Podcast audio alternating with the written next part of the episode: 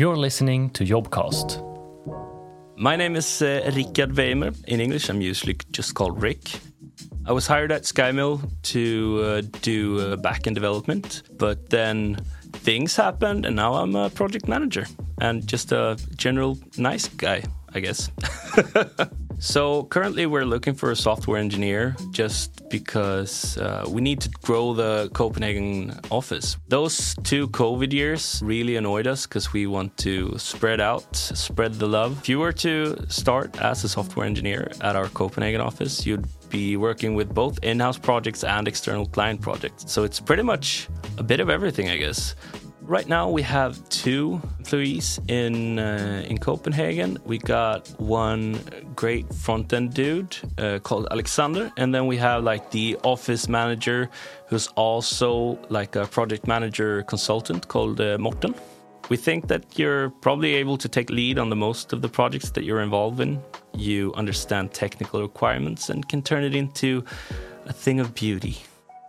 I haven't really seen any other companies that are like SkyMill. Like, fine, we're a consultancy and we take on client projects and we do them, and that's fine and dandy.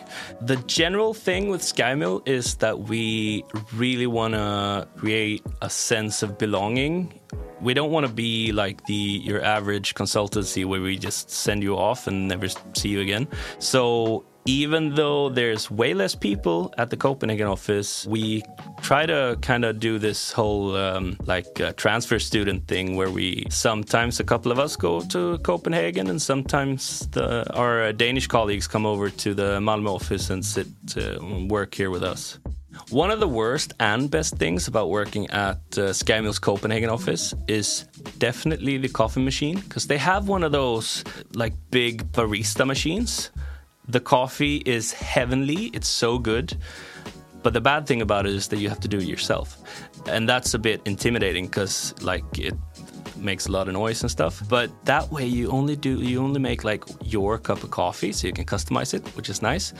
In comparison to our like Moccamaster that we have in the Malmö office with with a leaky uh, pot. So there's just liquids everywhere. I think it's good to have the drive to learn new things, both professionally when we're looking at just, oh, I want to learn this new framework or whatever, um, but also learn stuff just in general, I guess. I didn't know that much about uh, Italo Disco before I started here, but our CEO does, and now I do too. So be curious. I think you should uh, apply to this job because, first of all, it's so like the area where the office is is great. It's on Vesterbrogade, so it's uh, really close to everything. It's close to the central station as well. You get to have me as a colleague because I'm gonna be hanging there, especially now that spring's around the corner.